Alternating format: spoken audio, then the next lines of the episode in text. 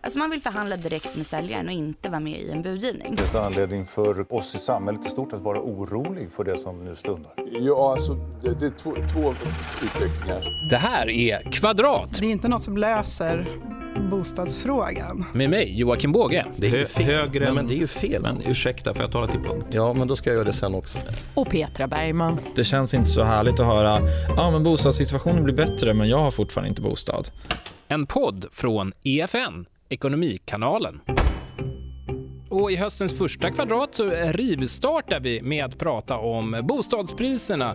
Och för att diskutera det så har vi med oss Lena Fahlén. Hej! Hej, global analyschef på Handelsbanken. Och vi har också med oss Marcus Svanberg som är...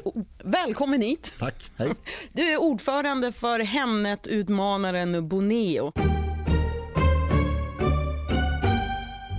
När kommer vi se det här? Vad, vad är det vi kommer se? Ja, just det. Jag jobbar ju på Länsförsäkringar Fastighetsförmedling och vi och ett antal branschkollegor har ju reagerat över att eh, Hemnet har i det närmaste ett monopol idag när det gäller att, att visa bostäder och dit man går. Hemnet har ju höjt priserna väldigt ordentligt de sista åren. Och det här har vi reagerat över från bostadsbranschen och tycker då att vi, vi måste utmana det här med en ny aktör helt enkelt som kan utmana det här monopolet. Eh, och därför lanserar vi Boneo och det, förhoppningsvis så går vi igång redan nästa vecka med den här nya sajten då, om de sista testerna faller väl ut. Man måste alltid ha en brasklapp när det är eh, tekniska tester som, som återstår och sådär. Men, men så pass nära i tiden ligger vi. Utmana ett monopol. Har ni någon chans?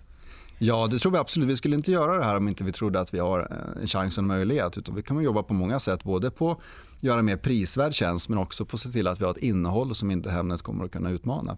Så vad innebär det här för konsumenterna då? För, för de som antingen är intresserade av att sälja sin bostad och för de som är Hemnetknarkare som Petra och mig som är inne på Hemnet och Ja. liksom luskar annonser varje Ja, men då vill vi ha saker för er. För att, ehm, dels ser vi till att ha ett innehåll som Hemnet inte har i dagsläget. Eh, till exempel utlandsbostäder. Nu kanske det inte var det som du var ute, ute efter just nu, ett, ett utlandsboende. Men utlandsboenden vill vi samla och visa upp på sajten som inte finns på Hemnet idag. Ehm, tittar du på svenska boenden så väldigt många bostäder läggs inte ut på Hemnet idag. Vi mäklarföretag håller på ganska många bostäder som vi kallar för på gång eller försprång kommande bostäder som vi lägger ut på våra egna hemsidor bara lite grann sådär innan man publicerar på Hemnet. Den typen av bostäder kommer vi vara mycket mer generösa med till vår egen sajt och som vi lanserar. Och varför gör vi det? Jo, vi vill ju kunna bygga ett, ett innehåll som, eh, som inte Hemnet har. För ska man utmana en monopolist då måste man också ha någonting lite extra att bjuda på. Så vi kommer vara mer generösa med innehåll. Så det kommer vara lättare att hitta Eh, ambitionen att det ska vara lättare att hitta ett komplett utbud även av eh, kommande bostäder på vår sajt. Så det är ett exempel på mervärden som man ska kunna hitta som bostadsspekulant genom att gå till Boneo istället för till Hemnet. Men då är det ingenting som en vanlig bostadsförsäljare. Det är inget man lägger in en annons själv utan det här är... Nej, det är precis som Hemnet att det här ska hanteras via en fastighetsmäklare. Så man får hjälp av fastighetsmäklaren att lägga upp annonsen. Se till att den kommer ut även på Boneo. Och I och med att det här kommer vara en prisvärd tjänst så kommer det inte vara något problem att ha en annons både på Hemnet och på Boneo till en början. Men på sikt, den här frågan får jag ju ofta, eh, vad händer på sikt? Kommer vi att sluta annonsera på Hemnet? Ja, jag hoppas ju att på sikt så ska vi kunna säga till kunderna att men det räcker ju att annonsera på det bättre alternativet Boneo. Så kanske man inte behöver annonsera på Hemnet, eh, det dyrare alternativet, utan det räcker med det billigare alternativet. Men Marcus Svanberg, ordförande då ändå i nya Boneo. Ja. Eh, är inte det en risk också att ni eh, biter i handen som föder er så att säga lite? För Hemnet måste väl ändå vara en, en av era absolut viktigaste samarbetspartner. Hur, hur ska Absolut. ni navigera det här? Ja, men det är därför vi inte kommer att sluta annonsera på Hemnet dag ett. Utan vi ser ju det som att vi, eh, vi är stilla tvungna för där finns ju alla, alla spekulanter i dagsläget. Så vi kommer att fortsätta ha våra bostäder på Hemnet.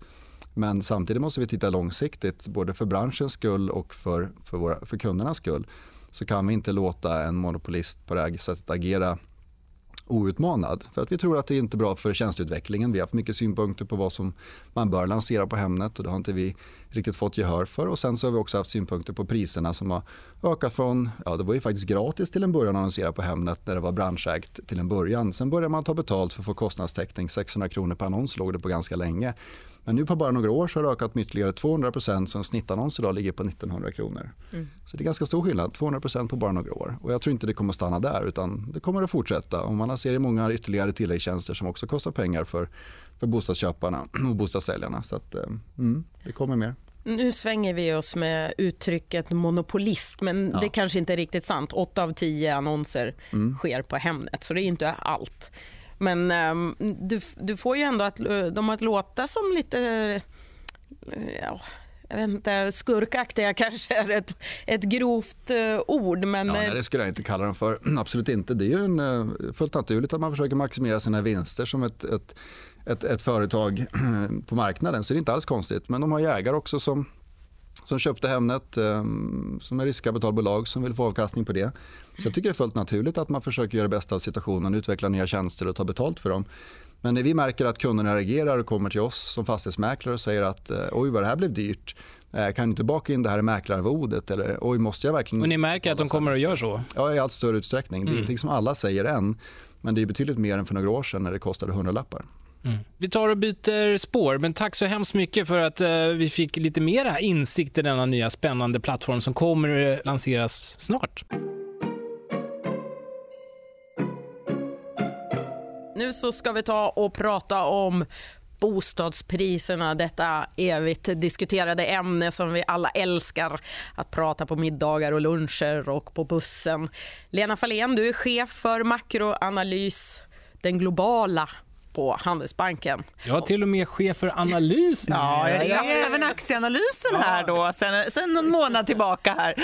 Ja, Du har där. alla möjliga insikter Ja. att ta med dig. Nej, men det är faktiskt jättespännande. Just det här att prata både makro och prata bolagsanalysen, vad de ser på fastighetsbolagen. Ja, för det finns ju en del bostadsutvecklare på den svenska börsen. Det gör det. Och där håller vi på att titta på och få liksom tota ihop det här och göra en riktigt bra rapport och eh, analys tillsammans. Så det händer spännande saker. Men det kanske inte var det vi skulle prata om. Nej, jag tänkte, Vi får återkomma jag till det. tänkte fråga, vad är din analys av bostadspriserna? Om vi börjar bara titta bak lite, tre månader låt säga. Ja, men det var ju en viss optimism här under våren. Sen har vi ju sett en ganska tydlig stabilisering och sidledes utveckling här senaste tre månaderna egentligen. Där det gått lite mer sidledes så. Så att lite mer eh, ja, avvaktande får man väl kanske säga, men ingen dramatik överhuvudtaget. Och det har väl varit lite vår syn också att det ska vara lite sidledes här nu framöver. Och det gäller hela Sverige Yeah. Och det fortsätter nu under hösten. Ja, ungefär så. Sen ser man ju, om man tittar lite regionalt så ser man att Malmö till exempel har varit en region som har, har gått lite starkare. Men, men eh, som helhet så är det inga jättestora skillnader, även om vi ser att det går lite starkare i södra Sverige.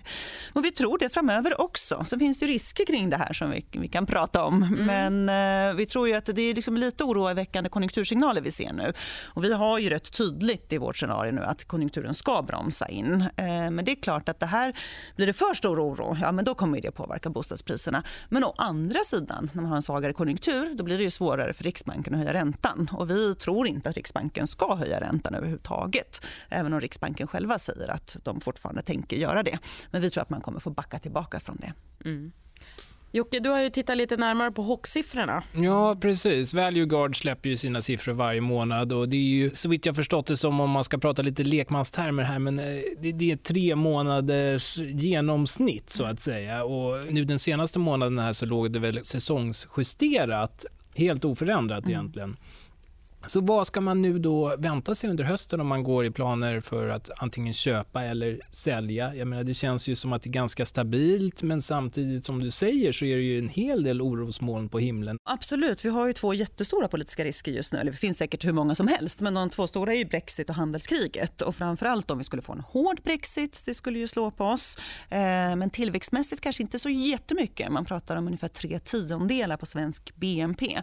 Men sen har vi det här handelskriget. Om det skulle utökas, om man skulle införa biltullar. Nu har man ju satt lite paus på det, men man har ju pratat om biltullar mot europeisk bilexport. Då skulle det slå hårdare. Och när vi räknar på svensk tillväxt, men då börjar vi närma oss 0,7, neråt 1 procent det skulle slå på vår tillväxt. Så det skulle bli ett annat scenario. Jag tror dock att om man hamnar i ett sånt riskscenario, då tror jag Riksbanken faktiskt skulle komma in och sänka räntan. Och kompensera Eh, för ja. det lite. Så att vi har liksom ena sidan svagare konjunktur, eh, men å andra sidan så har vi låga räntor och om vi då hamnar senare något av de här riskscenarierna ytterligare räntesänkningar.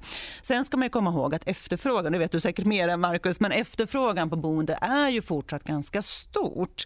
Eh, så att vi, vi har byggt mycket, eh, byggandet minskar nu men efterfrågan fortsätter. Vi har den här urbaniseringstrenden, man vill bo i storstäderna och sen har vi många eh, nya hushåll som skapas. Det är unga och det är inflyttade människor men det har kanske inte riktigt byggts mm. just den typen av bostäder som, som man mm. efterfrågar. Så vi har ju ett matchningsproblem här. Ja, det är ju ett kärt återkommande ämne för oss också. Men mm. Marcus Svanberg, du är ju till vardags då vd för Länsförsäkringar Fastighetsförmedling. Hur, med din erfarenhet och känsla för marknaden samtidigt som vi har en liten annalkande lågkonjunktur där ute. Men Riksbanken, där, vi höjer inga räntor. Det är ju ett, ett vågspel som pågår. Va, mm. Vad ser du för effekt på bostadspriserna av det? Vi tror ju att priserna påverkas väldigt mycket av räntehöjningar. De ser vi ju inte ligger, ligger i korten just nu. Utan som du beskriver så är det snarare att att eh, som alltid tror Riksbanken på en högre ränta än vad alla analytiker gör. Så verkar det vara nu också. Och snarare är det väl konsensus att man kanske kommer bli tvungen att sänka. Och hushållen är väldigt räntekänsliga, mer nästan än konjunkturkänsliga i dagsläget. Så att, eh, min bedömning är väl att vi kommer att se ganska oförändrade priser framåt. Just nu är det till och med så att vi märker på, med örat mot marken en liten positiv prisuppgångstendens i storstadsområdena framför allt, att priserna faktiskt klättrar upp lite grann just nu. Och här ser man också, förlåt, nu ja. ser man också lite grann att det här nyproducerade som kommer ut som tidigare prissänks ganska mycket nu faktiskt, man ser en tendens till att man inte prissänker lika mycket. Mm. Så det talar ju för det här du säger. Det har ju stabiliserats också mer mm. nyproduktionsmarknaden, mm. precis som hela bostadsmarknaden. Så det är bättre situation, köpare och säljare hittar varandra. Och de här orosmomenten, jag tror så länge man har jobb, så länge man inte fruktar som, som familj för sin eget, sitt eget jobb och sin egen sysselsättning, man vet att man har en stabil inkomst och man vet att räntorna kommer fortsatt vara låga, då törs man göra bostadsaffärer. Då törs man köpa det där nya huset eller flytta till en större lägenhet för man vet att man kommer ha råd med det och man kommer att prioritera sina bostadskostnader. Det vet vi också att skulle någonting hända och man måste dra ner på någonting för man är lite orolig över ekonomin, ja, då drar man ner på annat, nöjen och resor och så vidare innan man överväger att inte flytta till det där boendet som man faktiskt behöver för att familjen har fått en till, ett till barn. Just det. Så att, eh, det ska till ganska mycket innan man börjar drastiskt ändra sina boendeplaner. Men ni hade också en ny eh, studie eller enkät som ni har gjort som visar att budpremierna ökar. Ja. Att det är lite mer aggressivt där ute kanske då än vad som syns i de här hockeysiffrorna som vi just diskuterade som ligger ganska stillastående. Ja, det stämmer. Att, eh, det, det, blir oftare budgivningar nu än vad det varit eh, för ett halvår sedan eller ett år sedan. Så det är ett tecken på att eh, man har hittat en prisnivå och då blir det lite mer huggsexa, speciellt om de finare objekten. Så då ser vi att det är på den högsta nivån på över ett år nu just i budgivningarna. Att det ökar med en, eh, ja, runt 7% i landet eh, från utgångspris till, till avslutspris. Och i Stockholmsområdet, Storstockholm, med 9% ungefär. Så det är en ganska skaplig eh, prisacceleration vi ser i form av budgivningar. Och det tenderar att driva upp också priserna. Så jag tror att vi kommer att se några procentenheter upp här under hösten. Eh, men det kommer inte att fortsätta ticka på i den takten 12 månader framåt. Utan mm. Det är mycket nu så här när det är, ehm, det är intensivare bostadsperiod just nu på höstkanten. Och då, då tror jag vi ser det här. Sen kommer det lugna ner sig sannolikt. Och där internationell eh, konjunktur och, och eventuella orosignaler kan också få det här att, att sakta in och lugna ner sig igen. Då. Men lockpriserna, är de tillbaka, tänker jag då, när det blir sådana budgivningar? Jag tror det är viktigt här att alla mäklare håller ett öga på, på priserna och om du då går upp i vissa områden igen och återhämtar sig, vilket det här är ju snarare en återhämtning till priser som vi såg för ett par år sedan. Och om priserna återhämtar sig, det är viktigt att man anpassar och hänger med med utgångspriserna. För att om man låter dem ligga kvar för lågt, ja, då kan man ju bli anklagad för lockpris. Så här är det väldigt viktigt att alla vi i branschen eh, tar ett ansvar som fastighetsmäklare och ser till att följa med upp så att så det blir rimliga utgångspriser. Mm. Och Lena Fahlén, global analyschef för Handelsbanken. ja. Vad är din analys? Då? Vad, kokar ner, vad kokar det här ner till? Vad, vad, kommer hända med bostadspriserna som ändå är en väldigt stor del av BNP och Sveriges ja. ekonomi här under hösten? Nej, men bostadspriserna är viktiga för svensk tillväxt och byggandet är viktigt för svensk tillväxt. Men med vår liksom, huvudscenario då tänker vi inte en hård brexit, vi tänker inte ett fullskaligt handelskrig utan den här tråkiga konjunkturavmattningen som drivs på nu att omvärlden och Europa saktar in. Ja, men då tänker vi alltså att de här faktorerna som som stödjer bomarknaden, låga räntor och efterfrågan ändå kommer bidra till att vi har stabilt, eh, stabila bopriser. Däremot så tror vi att vi fortsätter att se en svag utveckling vad gäller byggandet. Det är ju fortfarande rätt höga nivåer men vi har ju toppat ut ordentligt och det drar ner tillväxten. Så att i år så slår det här ungefär sju tiondelar eller någonting sånt på svensk BNP. Mm. Eh, och i och med att vi har rätt låg BNP så hade vi ja, nästan varit uppe i 2% om vi inte haft byggandet. Som nu, ja, då får vi strax över 1 och vi tror att det fortsätter att dämpa utvecklingen här framöver. Men ingen stor dramatik i det här. Eh, och som sagt, för att det ska liksom bli att bostadspriserna faller kraftigare, ja, men då måste vi nog hamna i något av de här krisscenarierna som man kan tänka sig eh, att vi har. Jätte, jättekort, hur viktigt är bostadspriserna, byggandet för BNP? Det är viktigt. Det är, byggandet är en stor del av tillväxten och bostadspriserna påverkar också det här som Marcus säger. Att man kanske fortfarande flyttar och man kanske fortfarande köper sitt boende. Men om du är väldigt orolig och priserna är stökiga eller går ner, ja, då kanske du drar in på annan konsumtion. Och det är det som Riksbanken är ganska orolig för, de här andrahandseffekterna. De skulle kunna komma i ett annat scenario också, om vi får ett positivt scenario. Riksbanken börjar höja räntorna och hushållen är ganska högt skuldsatta. Då kan det också påverka konsumtionen i den vevan. Då. Så, att, så att det påverkar mycket. Och det finns ju också utländska bedömare, EU-kommissionen och andra, de är ju lite oroliga om de tittar på svensk bostadsmarknad och svensk skuldsättning. Men för att vi ska hamna i någon stor kris, då tror jag att vi måste ha en djupare lågkonjunktur än vad vi har i korten. Och vi är ändå lite pessimister faktiskt, jämfört mm. med en del andra. Vi ska ta och byta ämne.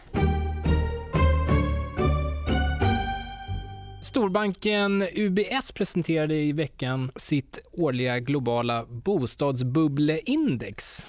Och Stockholm har där gått från en andra plats till en tolfte plats av de 24 storstäderna, snabbväxande storstäderna som är med där. Och UBS anser då att eh, bostadsmarknaden i Stockholm svalnat avsevärt och att prisnivån nu ligger 10% kanske från var den låg tidigare på toppen. Vad betyder detta? Vi har ju här i, i Kvadrat tidigare pratat väldigt mycket om om det är en bostadsbubbla och problemet eh, med eh, stor skuldsättning i hushållen och så vidare. I, kan vi blåsa faran över där om vi börjar med Lena? Jag är inte så säker på att det har varit en bubbla från början. Då. Men man kan väl säga att det har ju funnits en farhåga just kring den här höga skuldsättningen och höga tillväxten i prisutvecklingen. Och man införde ju faktiskt amorteringskrav och förstärkt amorteringskrav för att dämpa den här utvecklingen. Och då får man väl säga på den här skalan att mäta då, som UBS har där, så har man på ett sätt lyckats då. Vet jag inte exakt hur man har gjort, gjort mätningen då. då. Ehm, men jag är inte så säker på att vi har haft en bubbla överhuvudtaget. Ehm, utan snarare att det har varit underbyggt i Sverige. Vi har under många år byggt lite för lite mot mm. vad vi behövt jämfört med befolkningstillväxten. Och sen ökar det väldigt kraftigt byggande. Så det är klart att inom kanske vissa områden eller vissa typer av lite tjusigare lägenheter så kanske det har varit bubbeltendenser. Men, men en bubbla är alltid svårt att identifiera. Men, mm. men jag har lite svårt att se att vi skulle haft det eftersom efterfrågan fortfarande är väldigt stor. Mm. Ja, och Marcus, bubbelrisken har minskat enligt UBS. Vad mm. kommentarer? Ja, men väl, den bedömningen har väl vi gjort för ett år sedan också. Att när vi fick den här eh, både priskorrektionen som skedde men också att marknaden lugnade ner sig så minskar risken betydligt från att ha en situation där vi hade en väldigt snabb ökningstakt i många år. Att ha fortsatt den ökningstakten i flera år till då hade vi kanske haft en större risk för en bubbla på sikt. Men att vi istället fick en avmattning och en, åter, vad ska man säga, en sansning av marknaden där man lugnar ner sig och mer har hittat en, en nivå som verkar stämma ganska bra på många håll. Speciellt i, i storstadsområdena nu så, så hittar man varann köpare och säljare utan att det fortsätter blåsas upp till orimliga nivåer. Um, och det, det känns också mer sunt i marknaden. Med en sån spaning då, så tycker vi att det känns vettigare när man är beredd att lägga mer pengar på fina objekt i bra lägen än att allting ska få en otrolig budpremie och väldiga eskaleringar i priserna. Man gav ju för mycket för ganska dåliga objekt och lägen tidigare och det, nu känns det mer eh, sunt för nu betalar man mycket för det som är bättre. Mm. Kan man säga att vi har gått då från vad, vad som varit en köpares marknad till numera någonting som ligger mitt emellan? Ja, det skulle jag absolut hävda. Mm. Vi var ganska tidiga att göra spaningen att det var köparnas marknad och jag skulle säga att nu, nu är det köparna och säljarnas marknad för nu är det mer i balans. Definitivt. Spännande. Mm. Dags att avrunda. Vi har fått en uppdatering av bostadsmarknaden, priser, ja, men hur vi, ekonomin mår, vad vi har att eh, köpa bostäder i för ekonomisk miljö. Vi har fått veta om den här nya Hemnet-utmanaren Boneo. Det kanske blir ett nytt tillhåll för oss Hemnet-beroende. Ja. Nu när Blocket inte har kvar sina bostadsannonser. Nej. Stort tack för att ni kom hit, Lena Fahlén och Marcus Svanberg. Tack så mycket. Tack. Den här podden görs av EFN Ekonomikanalen. Ansvarig utgivare är Anna Fagerström. Vill du lyssna på någon av våra andra poddar? Sök på EFN där poddar finns.